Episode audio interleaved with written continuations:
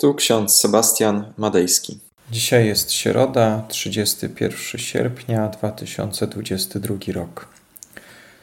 W Psalmie 130, werset 7, znajdujemy takie słowo: Izraelu, oczekuj Pana, gdyż u Pana jest łaska i odkupienie u niego obfite.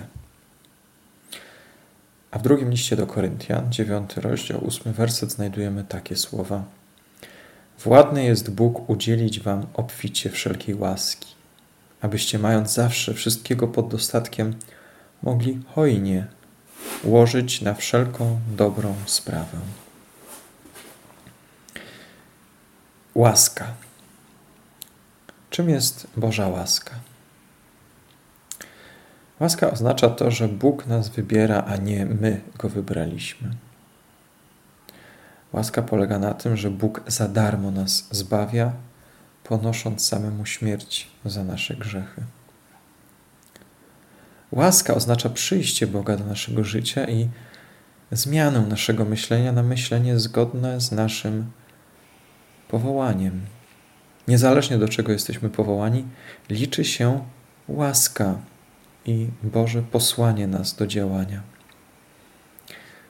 Karol Barth powiedział, że Słowo Boże jest zawsze łaską. To, że Bóg nas, z nami rozmawia, już samo w sobie jest łaską, niezależnie od tego, czy mówi On do nas przez Pismo Święte, czy przez kazanie, czy przez lekturę Pisma Świętego. Bóg do nas przemawia i to jest ogromną łaską. Co zrobić, gdy Bóg milczy? Co zrobić, kiedy nie odpowiada na nasze modlitwy? To proste, prawdopodobnie już przemówił raz. Nie potrzebuje się powtarzać. Bóg przemawia raz, drugi w swoim słowie, a potem czeka na nas, czeka na nasze odpowiedzi. Słowo Boże do nas przemawia, kiedy je czytamy, kiedy po nie sięgamy, kiedy go słuchamy. I w Psalmie 130 znajdujemy wskazówkę, aby czekać, aby czekać łaski Pana. I może warto pomodlić się dzisiaj o ten dar cierpliwości i umiejętnego czekania, czekania na łaskę Pana. Współcześnie nie potrafimy czekać, nie lubimy zwlekać, zawsze się spieszymy. Ładujemy w nasze głowy multum informacji, aby zapomnieć o najważniejszym o tym, co jest naprawdę istotne, o tym, co, czym jest nasze powołanie. Boża łaska przychodzi do nas pomimo naszej niewiedzy, naszej nieświadomości. Przynoszą ją w najmniej spodziewanym momencie aniołowie, bo tak należy nazwać posłańców. Z języka greckiego posłaniec to jest angelos. Tego słowa bierze się słowo anioł. Czyli Boży posłańcy, którzy pojawiają się w naszym życiu, aby nam pomóc, stają się w ten sposób nieświadomymi narzędziami Bożymi. I warto pomodlić się dzisiaj o tych, którzy nam pomagają, którzy nam pomogli, podali pomocną dłoń w momentach, kiedy wydawało nam się, że już nikt i nic Ci nie pomoże. Czy przypadkiem nie są to Boży posłańcy?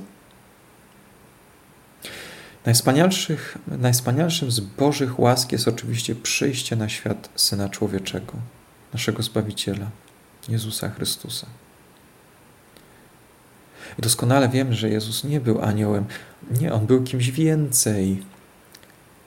Ale sam prorok Izajasz zapowiada jego przyjście w następujących słowach. Oto ja posyłam wysłańca mego przed Tobą, aby przygotował drogę Twoją głos wołającego na pustyni: Przygotujcie drogę Panu, prostujcie dla niego ścieżki. I pamiętamy, że wystąpił wtedy Jan Chrzciciel na pustyni, głosił chrzest nawrócenia na odpuszczenie grzechów. Chrzest jest znakiem Bożej łaski. Dlaczego akurat chrzest? Przede wszystkim woda. Woda, której nie jesteśmy w stanie sami wyprodukować. Owszem, może w warunkach laboratoryjnych, może jakieś zdolne głowy byłyby w stanie wyprodukować wodę, ale woda sama w sobie jest tak potrzebnym darem, a zarazem tak bardzo nam jej brakuje. I ta woda jest związana ze słowem, i woda połączona ze słowem daje chrzest. Dlatego chrzcimy, kiedy dziecko jest zależne od rodziców, na znak tego, że my jesteśmy w stu procentach zależni od Boga, nie od siebie samych. Że w stu procentach należymy do Niego i zależymy od Niego.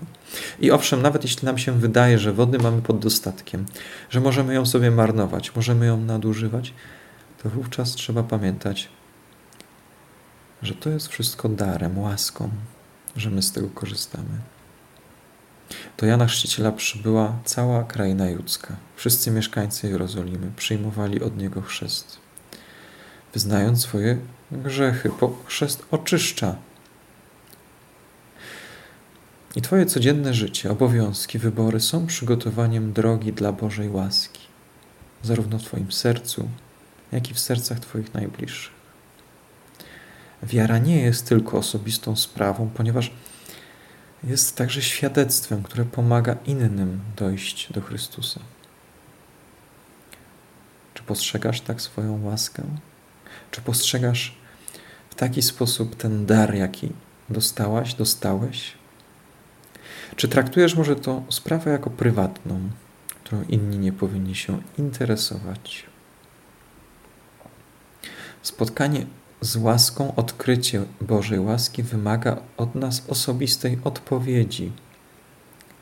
Ta łaska, którą jest sam Chrystus, już czeka z niecierpliwością na spotkanie z nami. Pokora, uczciwe serce, gotowe do pomocy innym dłonie pomogą nam przygotować się na spotkanie z Chrystusem. Jednak tą łaską, te zasoby, jakimi dysponujemy, już mamy. Czy jesteś gotów, czy jesteś gotowa, aby odkryć Bożą łaskę w swoim życiu? Może nie widzisz jej, jeszcze nie dostrzegasz tej Bożej łaski, którą masz. Zatem proś, proś Boga o prowadzenie, aby pomógł Ci jak najlepiej odkrywać Twoje serce, odkrywać Bożą łaskę. Amen. Módlmy się. Drogi nasz Panie i Boże, dziękujemy Ci za to, że Ty nam dajesz swoją łaskę dzień po dniu. Objawiasz nam, że Ty jesteś, Panie Boże, tym, który nas wspomaga. Pobłogosław nas, Panie, w ten dzień, kiedy możemy być dla innych posłańcami Twoimi, głoszącymi Twoje królestwo. Niech się dzieje Twoja wola w naszym życiu. Amen.